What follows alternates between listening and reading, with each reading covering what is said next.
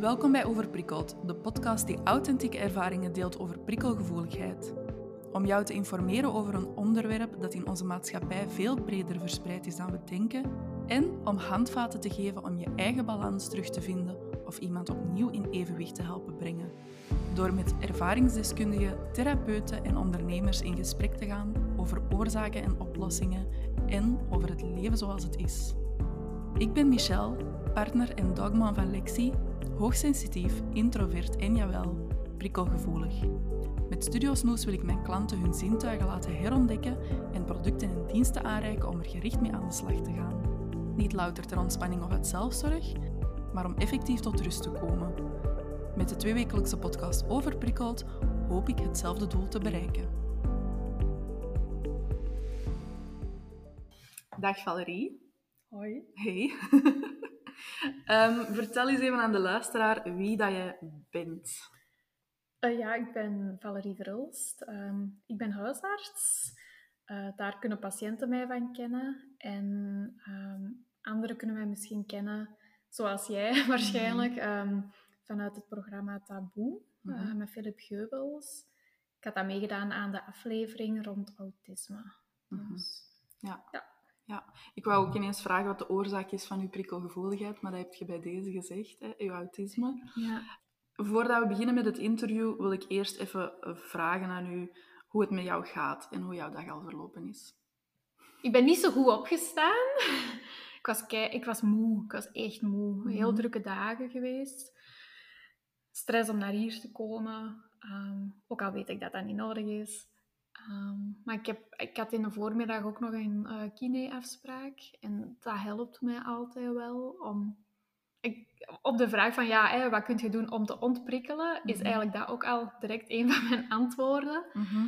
Um, ik, ik haatte dat vroeger om, om aanrakingen te hebben en zo. Um, maar vanuit het kinesistenperspectief doet mij dat echt deugd. Mhm. Om zo echt die spieren even terug te laten ontspannen. Dus dat, dat helpt altijd. Uh, dan ben ik zo ook altijd terug wat rustiger als ik thuis Mhm. kom. Mhm. Um, ja, en dan moest ik nog wat dingen voor het werk en zo regelen.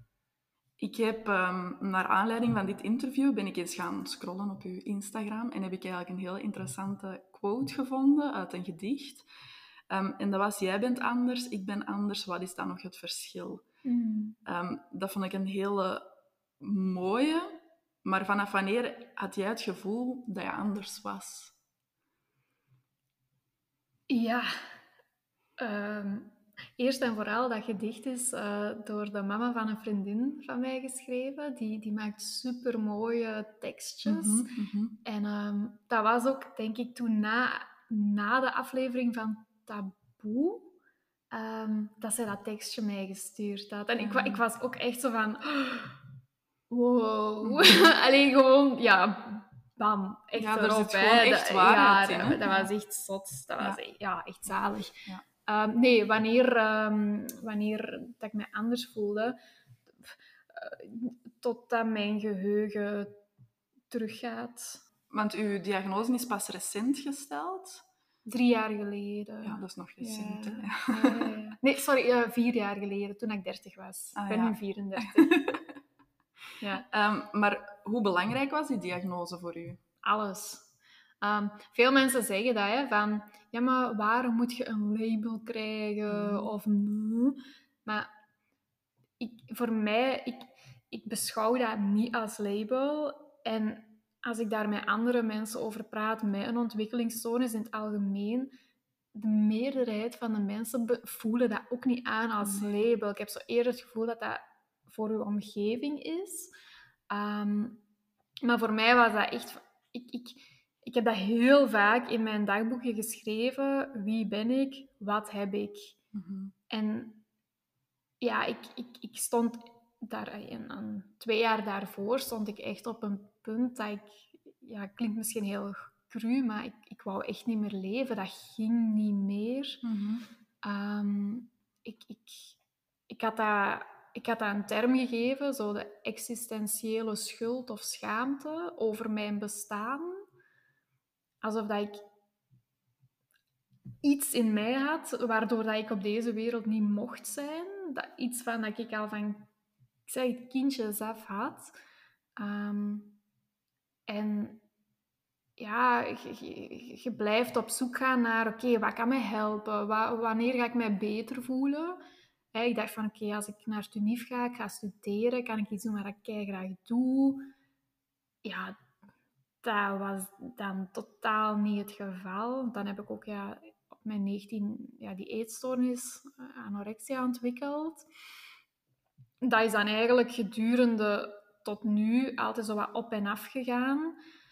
Ehm, om toch maar om te gaan met het leven op zich. Um, dus echt tot op een punt dat, dat, dat, het voor mij gewoon echt niet meer ging. Um, ik was toen met mijn urgentiegeneeskunde bezig. Ik ben nu huisarts, ik heb eerst urgentiegeneeskunde gedaan. Um, en ja, voor, ze hebben dan eerst de, de, een diagnose gegeven in een universitair centrum in België. als ik daarover praat, ik, ik, ja, ik vind dat echt verschrikkelijk. Ik, ik praat daar zelfs eigenlijk niet graag niet meer over, maar, omdat dat echt gewoon een heljaar was. Maar ik had dan um, de diagnose persoonlijkheidsstoornis niet anders omschreven, met depressie, eetstoornis en slaapstoornis. Uh Ja. Mhm. En hun advies was um, dat, ik meer, dat ik moest leren om sociaal te zijn en om met het verleden om te gaan. En dan ging alles beter gaan. Hmm. Ik kan me wel voorstellen dat dat een hele moeilijke, moeilijke is, hè, dat binnenkomt. Ja, omdat ik, ik, ik had eigenlijk zoiets van, oké, ik zit in een, een, in een goed universitair centrum. Ze weten wat ze hier doen. Ik was toen toevallig ook bij de prof, van, het, het hoofd van uh, het centrum dat mij, mijn diagnostiek mhm. deed. Ehm, ik heb toen zelfs gevraagd van ja, testen jullie ook op autisme? Omdat daar een, een meisje, vrouw hè, uh, was, die, die, waar ze ook de testing op deden. Ook iemand met anorexia. En ik had daar een bepaalde... Ik weet niet, ik had zo echt een bepaalde verbinding met mhm. haar. Terwijl dat ik dat al heel mijn leven mis. hè, mhm. zo verbinding met andere mensen. En, en zo u altijd te alien voelen. Mm hè.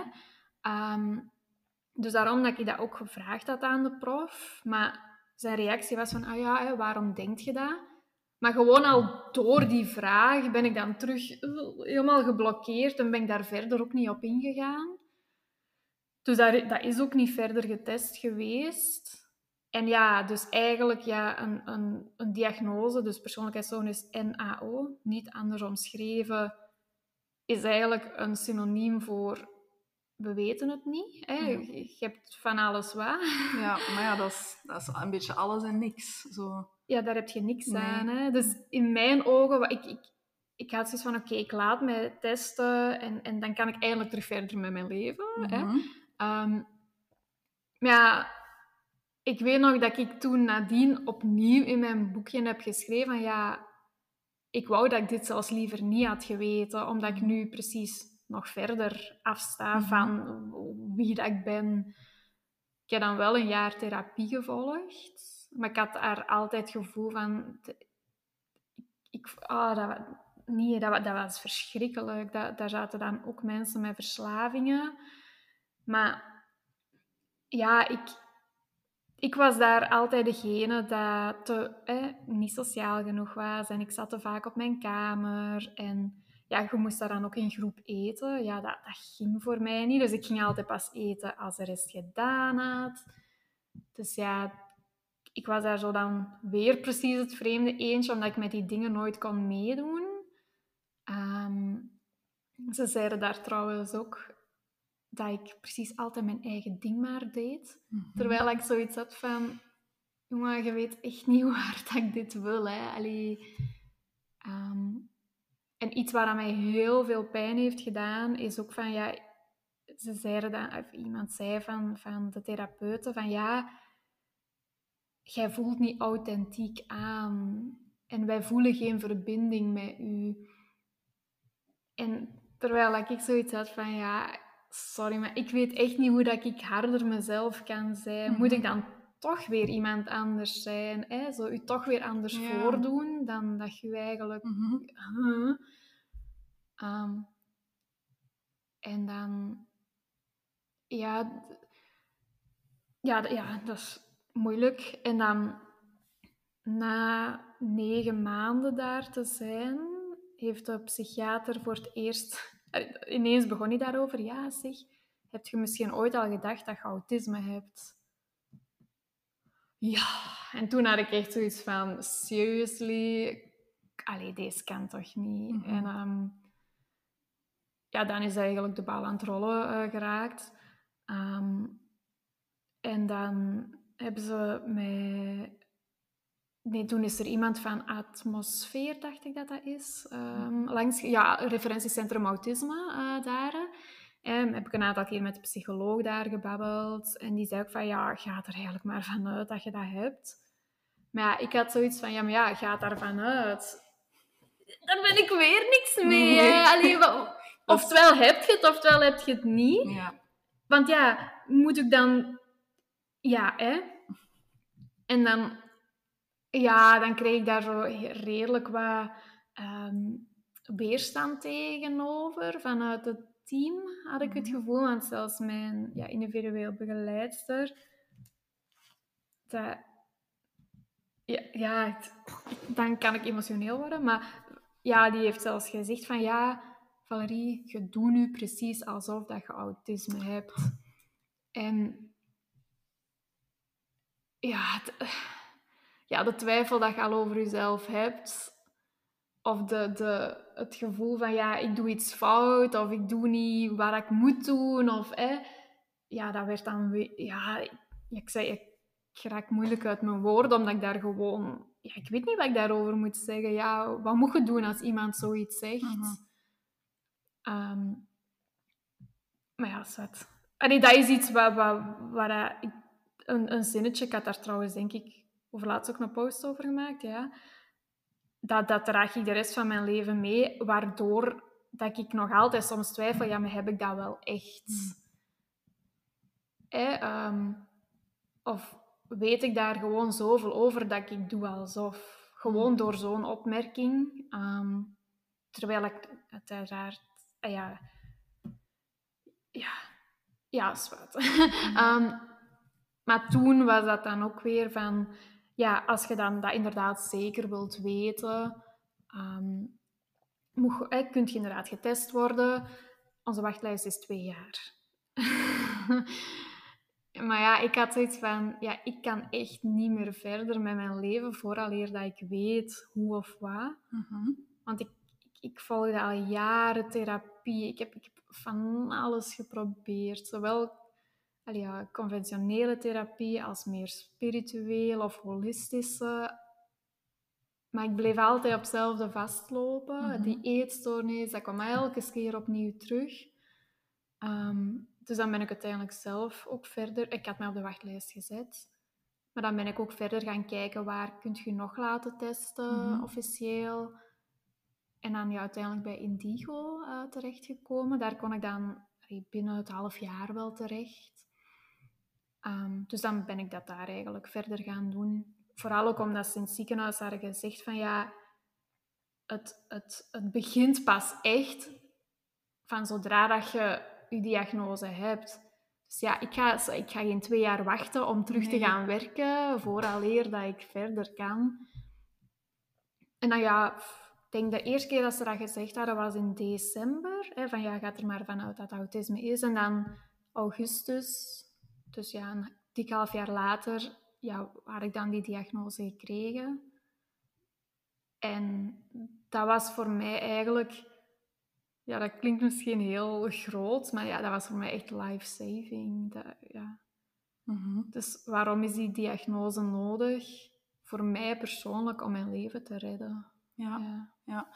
want wat is er dan? Je zegt dat is, dat is voor mij alles en life-changing. Ehm, wat is er dan voor u veranderd na die diagnose? Um, dan ben ik aan de slag gegaan eigenlijk met een auticoach. En dan ook met een uh, therapeute die gespecialiseerd uh, is in, in, in ontwikkelingsstoornissen, ADHD, ADD, ASS vooral Mhm. dan. Ehm, waardoor... Het ding, het ding is, als ik dingen meemaak, ik wil dat ook kunnen begrijpen.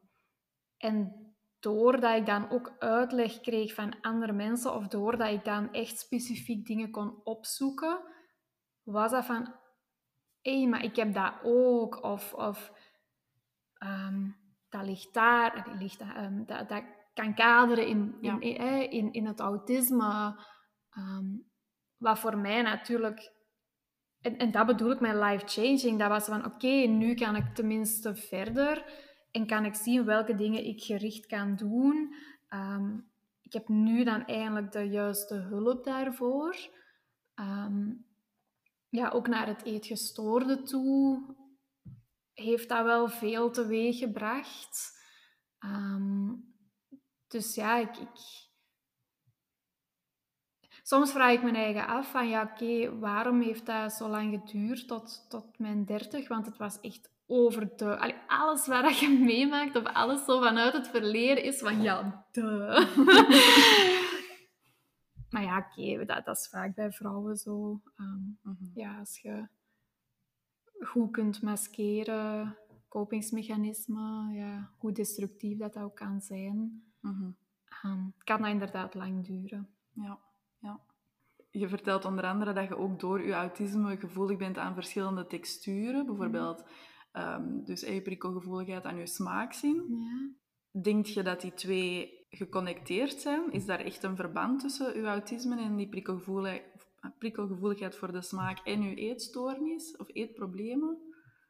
ja, dus vroeger had ik eetproblemen, hè, als in ja, dingen niet willen eten, of ja, eigenlijk eerder willen wel, maar niet kunnen, omdat dat op een of andere manier blokkeert in je hoofd. Mhm. Ehm, maar door ja, een eetstoornis ontwikkelt zich niet door één voorval of door één iets. Ehm, dat autisme heeft daar een heel grote rol in gespeeld. Want soms vraag ik me af van, stel dat ik die diagnose autisme als kind heb gekregen, zou ik dan ook een eetstoornis gekregen hebben, anorexia? Mhm. En ik, ik vind dan heel... Ja, dat, dat heeft geen zin om daarover na te denken, want je, kunt dat niet weten. Maar ja, ik vraag me echt af of dat, dat dan ook echt zo erg geweest... Allee, zo erg geëvolueerd zou zijn. Eh, vandaar dat ik daar echt voor pleit van... eh, van als het label of, of eh, waarom een diagnose nodig omdat het zoveel problemen soms ook misschien kan voorkomen. Mhm. Ehm, omdat je vanaf je kindertijd dan echt ook al mm, gericht kunt kijken, oké, maar wat is het beste voor u? Welke hulp heb je nodig? Ehm, bij, bij autisme en eetstoornissen is het doel niet per se om iemand normaal te laten eten. Hè, zoals ja, de neurotypical eh, eet. Ja, is er een Mhm. normaal eetpatroon? Maar ik bedoel, eh, globaal gezien. Maar het doel bij autisme en eetstoornissen is eigenlijk iemand ehm, te laten eten dat medisch gezond is. Hè? En, en om te kijken van, ja, dat er geen tekorten zijn, dat, dat, dat leefbaar is in het algemeen. En dat is iets waar dat eigenlijk geen enkele, thera- geen enkele therapie op gebaseerd is. Hè. Dus ja, mensen kunnen opgenomen, of vooral kinderen dan, hè, opgenomen worden met autisme om, om structuur en om, Mhm. om terug wat routine ehm, te creëren. Mensen kunnen opgenomen worden voor eetstoornissen, om de eetstoornis te behandelen. Maar de behandeling voor eetstoornissen en autisme, eh, eetstoornissen en autisme samen, is eigenlijk anders dan een eetstoornis op zich. Mhm. Hè? Ehm, bij een eetstoornis, ik spreek nu vooral specifiek over anorexia, omdat ik daaraan ook wel het meeste van weet, hè, is, is u, ja, een normaal eetpatroon. Je, je, je leert alles terug eten, je leert genieten van het eten, hè, je gaat mindful eten, Mhm. geuren, smaken, texturen in je mond. Paniek! maar bij... En, en, natuurlijk ook je, vertekend lichaamsbeeld, om daar, mm daar ga ik ook rond werken. Maar bij autisme en eetstoornissen, bijvoorbeeld tijdens mijn opname voor de eetstoornis, ehm, moest ik ehm, bepaalde dingen niet meedoen, zoals die mindful eten. Mhm. Omdat ik, ik word soms gek. Eh, ik, het gevoel inderdaad van al die texturen en smaken en, en prikkels in uw mond is, is vaak te veel voor mij. Ehm, dus dat mocht, mocht ik dan in samenspraak met de auticoach, mocht, moest ik niet meedoen, wat mm een godsgeschenk was. Hetzelfde ook als ehm, normaal eet je inderdaad in groep. Eten is vaak een sociaal gebeuren. Ja, ik vind dat heel moeilijk, omdat los van het, de eetstoornis, van de angst van eten en angst van bijkomen of, of dik tussen haakjes worden, Ehm, is bij mij ook nog het, het ding erbij van als er te veel prikkels rondom mij zijn, kan ik mij gewoon zelfs niet meer focussen op eten. Mm Eén, dan, dan blokkeer ik, dan, dan heb ik gewoon letterlijk geen honger meer. Mhm. en, en twee, het, het is gewoon, ja, ja, één en twee hoort samen. Dat zijn gewoon te veel prikkels in één. Ja. Dus ik mocht daar bijvoorbeeld ook dan alleen op mijn kamer eten. Um, omdat als ik alleen eet, kan ik veel beter eten dan dat ik in groep eet. Mhm. Niet per se vanuit, het eet, vanuit de eetstoornis, vanuit het niet, of de angst van het eten, maar wel vanuit het minder prikkels hebben rondom mij. Ehm, dus ja, ik weet de vraag zelfs al niet meer. Ik ben... ja, of dat, je, um, of dat je autisme mee aan de grond ligt van je eetproblemen en je eetstoornis. Ja, ja, ja, ja. Ja, ja is het antwoord. Ja. en ik trouwens ook, want ik heb het nog eens zitten opzoeken. Um, dus bij kindjes, of bij ja, kinderen, hè, Ehm, dus de meerderheid met kinderen met autisme hebben een, een, een afwijkend eetpatroon. Mhm. Niet per se hè, een eetstoornis, maar wel ja, bepaalde eetproblemen. Ehm, en dat komt vijf keer zoveel voor dan bij kinderen met een, een normale ontwikkeling.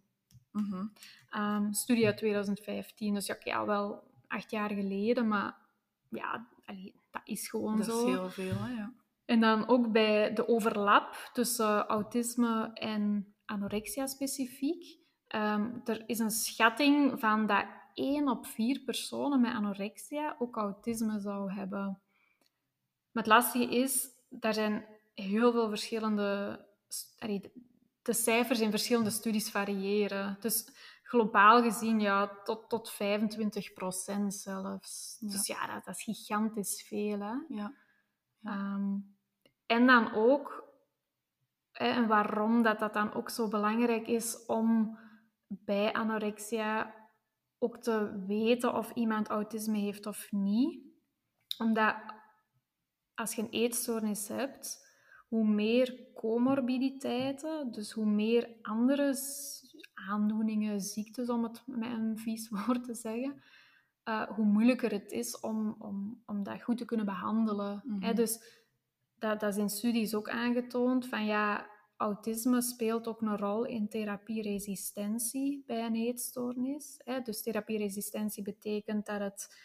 Um, ja, dus de therapie dat je, dat je zou geven bij iemand zonder autisme, zou makkelijker aanslaan dan bij iemand met autisme. Mhm. En, nog een, nog een punt, autisme wordt ook gelinkt met um, langdurige eetstoornissen. Waarschijnlijk omdat die, uh, ja, die therapie-resistent zijn. Hè? Ja, ja, ja. Maar ik kan me inderdaad wel voorstellen dat dat andere therapieën vraagt. Hè? Puur qua prikkels in je mond. Dat je mhm. zelf zegt, oh, texturen.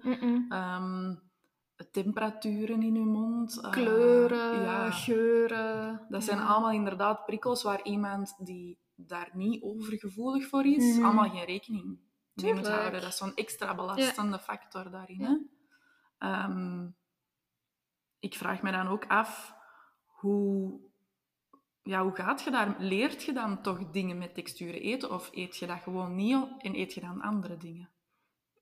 Dus ja, voordat ik de diagnose autisme had, hè, dus uh, ja, drie, vier jaar geleden, had ik, pushte ik mij veel harder in alles, niet enkel in het eten, dan nu. Mhm. Ehm, omdat ik zo zat van, ja, ik moet dat kunnen. Ik, ik, iedereen kan dat, dus ik moet dat ook kunnen. Ehm, en uiteindelijk lukte het wel altijd, maar ja, welke kost was er? Um, hetzelfde met het eten, van ja, je gaat ergens eten, ja, je eet waar dat er is, of, mhm. of waar dat ze je voorschotelen. Pushte mij altijd om dat te doen, terwijl dat ik dat helemaal niet wou. En dan, dus één, ik voelde mij schuldig daarover. Hè, want ja, ik wou eigenlijk niet eten waar ik niet lust, omdat ik dan vanuit het eetgestoorde zou bijkomen van iets waar ik niet wou. Mhm. Ehm, en twee, ja, achteraf ben je echt uitgeput door eten. Terwijl dat eten juist iets moet zijn om energie van te krijgen. Mhm. Ehm, nu dat ik dat weet en dat ik dat ook met de auticoach heb besproken en met de therapeuten en zo, um, hou ik daar veel meer rekening mee. van, toen ik alleen woonde, ik had heel vaak hetzelfde. Mhm. Ehm, oké, ik, ik woon nu samen, dus ja, dat is logisch dat je niet elke dag hetzelfde eet. Maar ik merk bij periodes dat ik, dat ik het heel moeilijk heb, of, of dat ik overprikkeld ben of zo, dan grijp ik wel sneller terug naar iets waar aan mij van eten rust geeft. Hè. Texturen, dat, dat gemak, bijvoorbeeld puree gaat veel makkelijker voor mij, omdat je daar minder op moet kouwen. Ehm, en dan praat ik met mijn vriend daar ook over van ja, waarom heb ik nu nood om die voedingsmiddelen te eten? Ja. In plaats van mij telkens te blijven pushen van, oh ja, maar ja, wat gaat jij dan denken? Of wat gaan anderen denken? Of ja, ik moet dat toch kunnen? Ja, nee, het is bij het tool, nogmaals, het doel bij iemand met, met autisme en een eetstoornis is om iemand medisch gezond te houden. Niet per se om het echt Bourgondische of normale eten aan te bieden. Mhm. Ja. ja. Ehm, daar komt dan ook nog eens bij een ander soort prikkel. Hè. Er zijn ook interoceptische prikkels. Mhm. Dus dat wil zeggen bijvoorbeeld ehm, het zelf aanvoelen wanneer dat je naar het toilet moet gaan. Maar mhm, ook bijvoorbeeld mhm. zelf aanvoelen wanneer dat je honger hebt. Is dat ook iets dat meespeelt? Ja, ja, ja. ja. Ehm, nee. Dat is iets waar ik wel heel hard aan het ontdekken ben. Want bijvoorbeeld honger, ik voel dat niet totdat ik erover ben gegaan. Mhm. Als in bijna flauwvallen of echt ja, bubberen of zo. Ehm, en vanuit de eetstoornis had ik ook zoiets van, ja, maar ik heb geen honger, dus waarom zou ik eten? Ja, dat, ja, dat kan niet, hè, want je lichaam kan niet blijven draaien op niks. Ehm, maar dat is iets dat, dat bij, bij, bij mensen met autisme heel vaak voorkomt. Hè, van zo het, het, wat is een verzadigingsgevoel? sommige mensen zijn, hebben het gevoel dat ze nooit verzadigd zijn. Hè, en, en, dat kan misschien zelfs tot binge-eating leiden. Mhm. Sommige mensen gaan het gevoel hebben dat ze altijd verzadigd zijn. Zoals ik, ik had altijd het gevoel dat ik verzadigd was. Dus, en tijdens een, bijvoorbeeld tijdens een opname voor een eetstoornis leert je dat ook. Van ja, je moet terug verzadiging uh, voelen en je moet terug honger voelen omdat ja, als je heel lang niet eet, ja, je lichaam gaat dat inderdaad niet meer voelen. Hè. Mhm. De maag is een spier, die, die krimpt helemaal. Dus ja, je maag gaat minder nodig hebben. Ehm, maar dat is ook iets dat dan bij mij aangepast is geweest, dankzij ook uh, de auticoach. Van ja, oké, die prikkelverwerking bij mij intern is anders. Mhm. Dus ik moet zelfs niet per se altijd luisteren, heb ik honger of heb ik geen honger? Nee, wat dat belangrijk is voor iemand met autisme is, doe dat op vaste tijdstippen, dat je daar die structuur in hebt. Ja. Um, bijvoorbeeld mijn vriend, die, die, voelt, die, die kan dagen zonder drinken, bij wijze van spreken. Die voelt geen dorst. Mhm. dus dat is ook zo...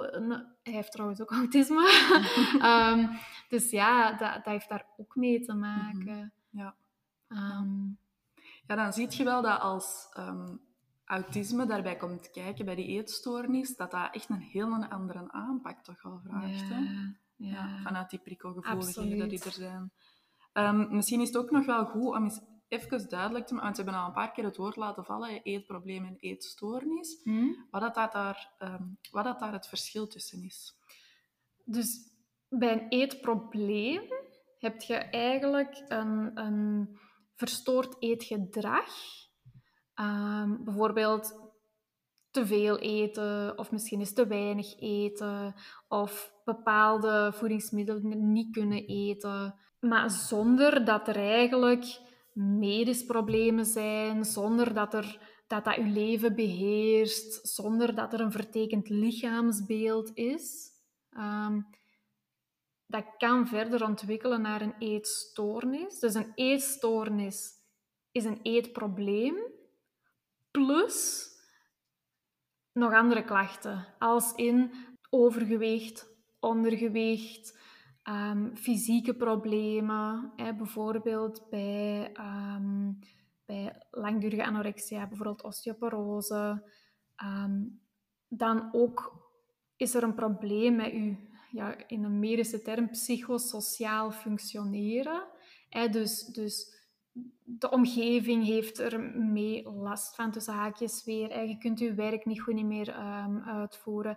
Je gaat sociale contacten mijden. En dan een andere factor is dat je ook echt een verstoord lichaamsbeeld hebt. dus dat, dat, bijvoorbeeld dan bij anorexia ga je jezelf mm, ja, veel breder zien dan dat het objectief gezien zo is. Dus heel concreet, een eetprobleem is dus een verstoord eetgedrag. En een eetstoornis is een eetprobleem met dan die andere factoren erbij. Ja, ja. En hoe is dat bij u geëvolueerd van het ene naar het andere? Ehm, ja, als kind was ik een moeilijke eter, maar ik, ik, ik vind het, de term moeilijke eter is eigenlijk al fout. Hè? Maar mhm. veel mensen, ja, Hè? maar het is eigenlijk als, als je als een, als een kindje een moeilijke eter is, zou je eigenlijk moeten zeggen een kind dat moeite heeft met eten. Mm. dus dat, dat is al sowieso een heel belangrijk verschil. Bijvoorbeeld, ja, ik, ik, puree ging veel makkelijker dan patatjes. Ehm, zo toestanden als ja, zo fidee of stoofpotje. ping, ping, ping. ja, dingen die allemaal op elkaar liggen bepaalde dingen echt niet wil eten, zoals het typische voorbeeld dat ik nogal gebruik, erwten. Dat ploft in je mond en dan komen er allemaal korreltjes vrij. Dat, dat ik, uren zat ik als kind soms aan tafel, bij, bij wijze van spreken, omdat ik dat niet kon eten. Mhm. Maar je weet niet waarom. En dan denken ze van ja, eh, verwend nest, je wilt dat niet eten, bla bla bla. Terwijl dat daar totaal niks mee te maken heeft. Mhm. Dus dat was als kind sowieso altijd al moeilijk. Ehm, dat ik dus heel selectief al was. Ehm, en door omstandigheden, dingen die gebeurd zijn, die mij emotioneel heel hard geraakt hebben. Plus dan dat gevoel van, ik hoor niet thuis op deze wereld. Dus is dat eigenlijk stilletjes aan naar, naar een echte eetstoornis um, geëvolueerd. Dus ja, anorexia en dan ook restrictief, hè, zo min mogelijk eten.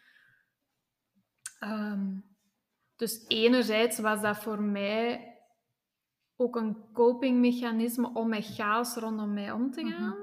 hè, wat eigenlijk nu nog altijd... Of ja, nee, nu is het beter natuurlijk. Hè, um, maar waar dat in de loop der jaren altijd zo geweest is. Plus zo ja, die term, zo die existentiële schuld of schaamte dat ik voel over mij. Ja, hè, dus door minder te eten moet je minder plek in de wereld innemen. Dus ja, ga je ook minder voelen en heb je minder last van alles. Of hebben mensen minder last van u. Dus dat waren zo mijn twee Ja. dingen vanuit het, waaruit dan mijn eetstoornis vooral ontstaan is. Mhm. Ja. Na de opnames van Taboe ben je ook opgenomen geweest. Hoe kwam dat? Had dat echt met die, met die overprikkeling van die opnames te maken? Of... Ehm, eh, dat was een druppel vooral. Ehm, ja, corona was... Want die opnames van Taboe waren al... eh, eh, zijn veel... Die waren meer dan een jaar... Ik denk anderhalf jaar tussen de, tussen de uitzending. Dus dat was echt een tijdje daar, daarvoor. En toen was corona ook eh, bezig. Ik was toen in de praktijk aan het werk ja, als huisarts. En corona, zoals bij velen met een eetstoornis, zijn terug hervallen of is dat erger geworden. Ehm, en wachtlijsten, zelfs een stop op wachtlijsten toen.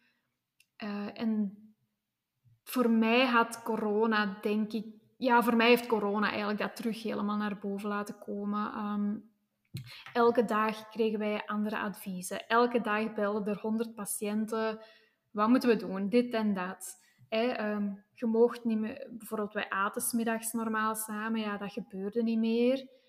Waardoor dat ik eigenlijk heel onbewust, zelfs niet bewust, maar onbewust, eh, terug meer restrictiever ben gaan eten. ehm, geen tijd meer hebben om te eten. Geen honger meer voelen van de stress. Ehm, en dan... Dus ja, dan begint de stilletjes aan terug af te vallen. Ehm, totdat iemand eens zegt van... Oh, zeg, je bent precies afgevallen. Ja, uw eetstoornisstem zegt... Ah, joepie. Hè? Dus ik- er is toch iets positiefs aan al het negatieve wat er nu aan het gebeuren is. Mhm. Zo was dat voor mij echt. hè. Het enige positieve aan, aan moeilijke periodes was voor mij afvallen. Ja, dat, allee, slechter kan het niet zijn. Hè? Mhm. Heel destructief. Uh, maar je hebt dat op zo'n momenten, als je daar zo diep in zit, je, je hebt dat niet meer door. Um, en dan, uh, ja, een half jaar later, waren de opnames van Taboe. En ik dacht, oké, okay, goed. Hè? Ik weet keiveel van autisme. Als arts ga ik daar eens goed altijd een uitleg doen. Maar ja, dat ging dan ook over mij persoonlijk, waar ik totaal... Ik, dat ik, ik had dat helemaal verkeerd ingeschat. Dat heeft heel veel emotie teweeggebracht. En ik heb dat toen tijdens die opname op de laatste dag ook gezegd van... Ik besef nu pas dat ik, dat autisme heb. En dat was iets positiefs, maar ergens ook een, een rouwproces van... Oké, maar ik mag eigenlijk afscheid nemen van mijn negatieve gevoelens en, en van mijn, hoe dat ik me heel mijn leven al gevoeld heb. Dus dat is iets positiefs, maar anderzijds was dat ook een... een ik, was in de war, ik, ik, ik, ik, ik wist het allemaal even niet meer. Um, maar zo, zoals ik daar straks zei, van het, het, zo die, die gedachte van, ja, heb ik wel echt autisme? Hè, zo die twijfel daarover altijd, viel toen weg, omdat dat was de eerste keer dat ik ook met andere mensen met autisme heb, echt heb gesproken. En dat was echt zo van, uh, ja, en ja, en ja, en huh. um, dus dat was ook wel heel mooi. Maar nadien was ik zo... Ik, was, ik, ik heb toen denk ik elke dag naar mijn vriend gebeld. Ik kom naar huis, ik wil deze niet meer. uh, ik was nadien... Ja... Ik vind dat heel mooi wat dat jij doet. Hè, zo rond het... Wanneer bent je overprikkeld en wat kun je daarvoor doen?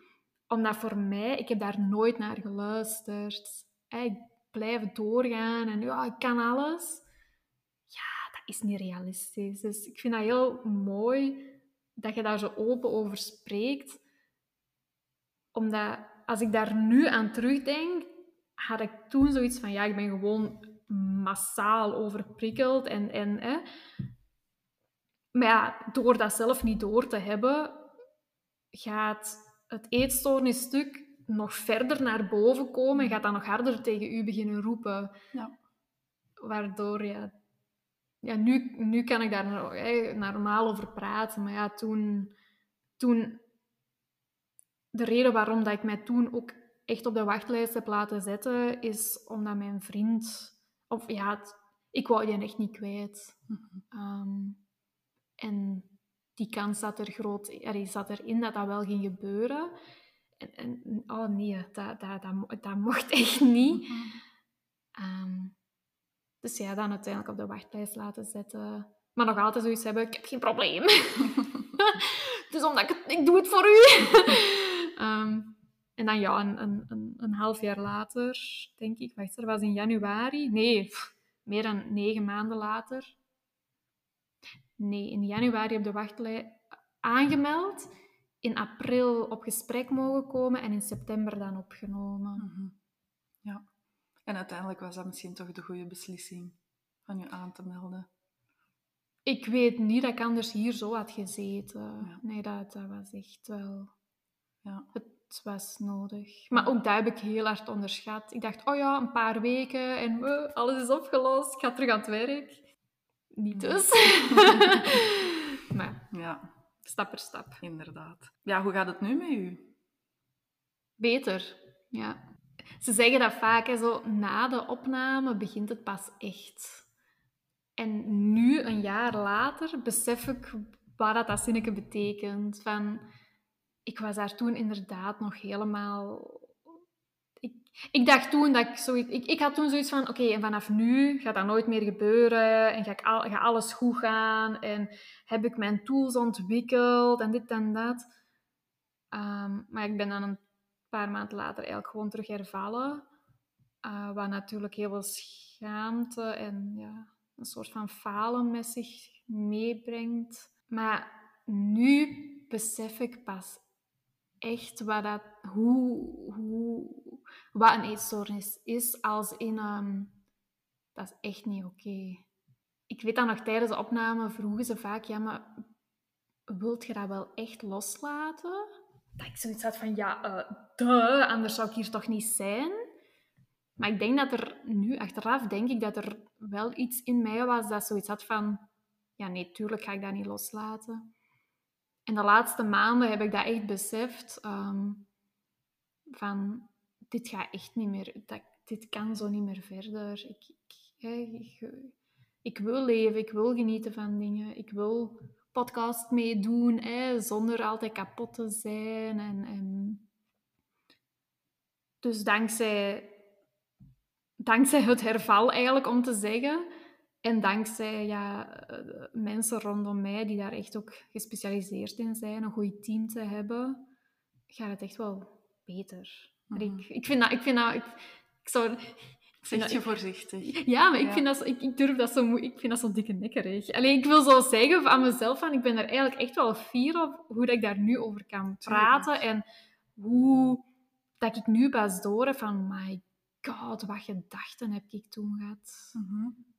En ik vind dat nu ook heel interessant, omdat ik nu ook beter ehm, het onderscheid kan maken welk zijn eetstoornisgedachten en welk is vanuit het autisme, Ja. hè, op vlak van eten dan. En Ja. dat is ook heel helpend om terug vooruit te gaan. Ja. Ja. Ja, op je Instagram maak je daar veel allee, posts ook over. Hè?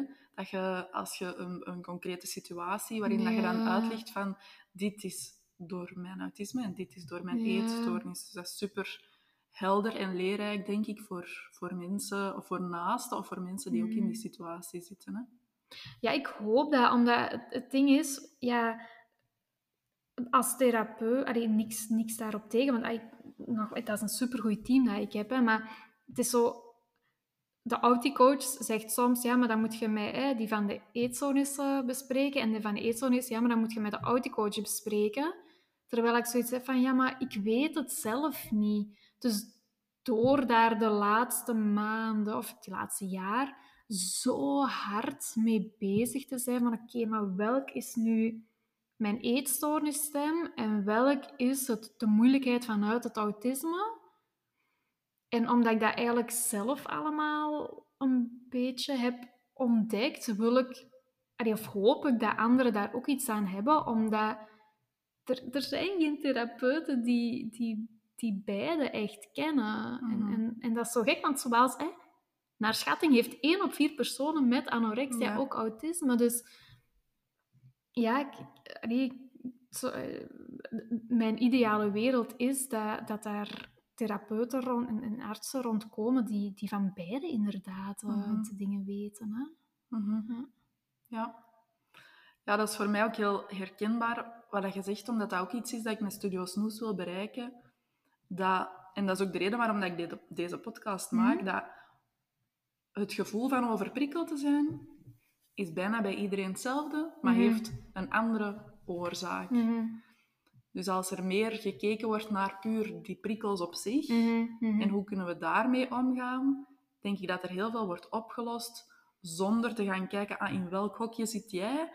Ah, HSP, dan heb je een HSP-coach nodig. Autisme Mm. heb je een auticoach nodig. Nee, dat, Terwijl- zo werkt het Nee, niet, hè? nee. Nee. Nee.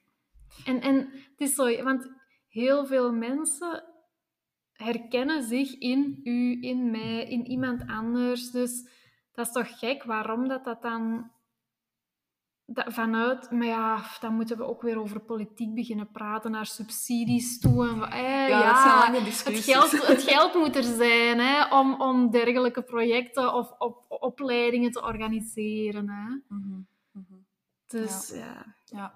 ja, en los daarvan geeft soms ook een diagnose, zoals je in het begin van het gesprek zei, een, een herkenning, eh, erkenning, eh, een rust. Ja, Ehm, rust vooral ook, hè? Van, "Ah, ik mag toch leven, of ik mag toch bestaan, Ja, of er is of- toch niks fundamenteel mis met mij. Ja, of er, er zijn anderen even anders als mezelf. Ja.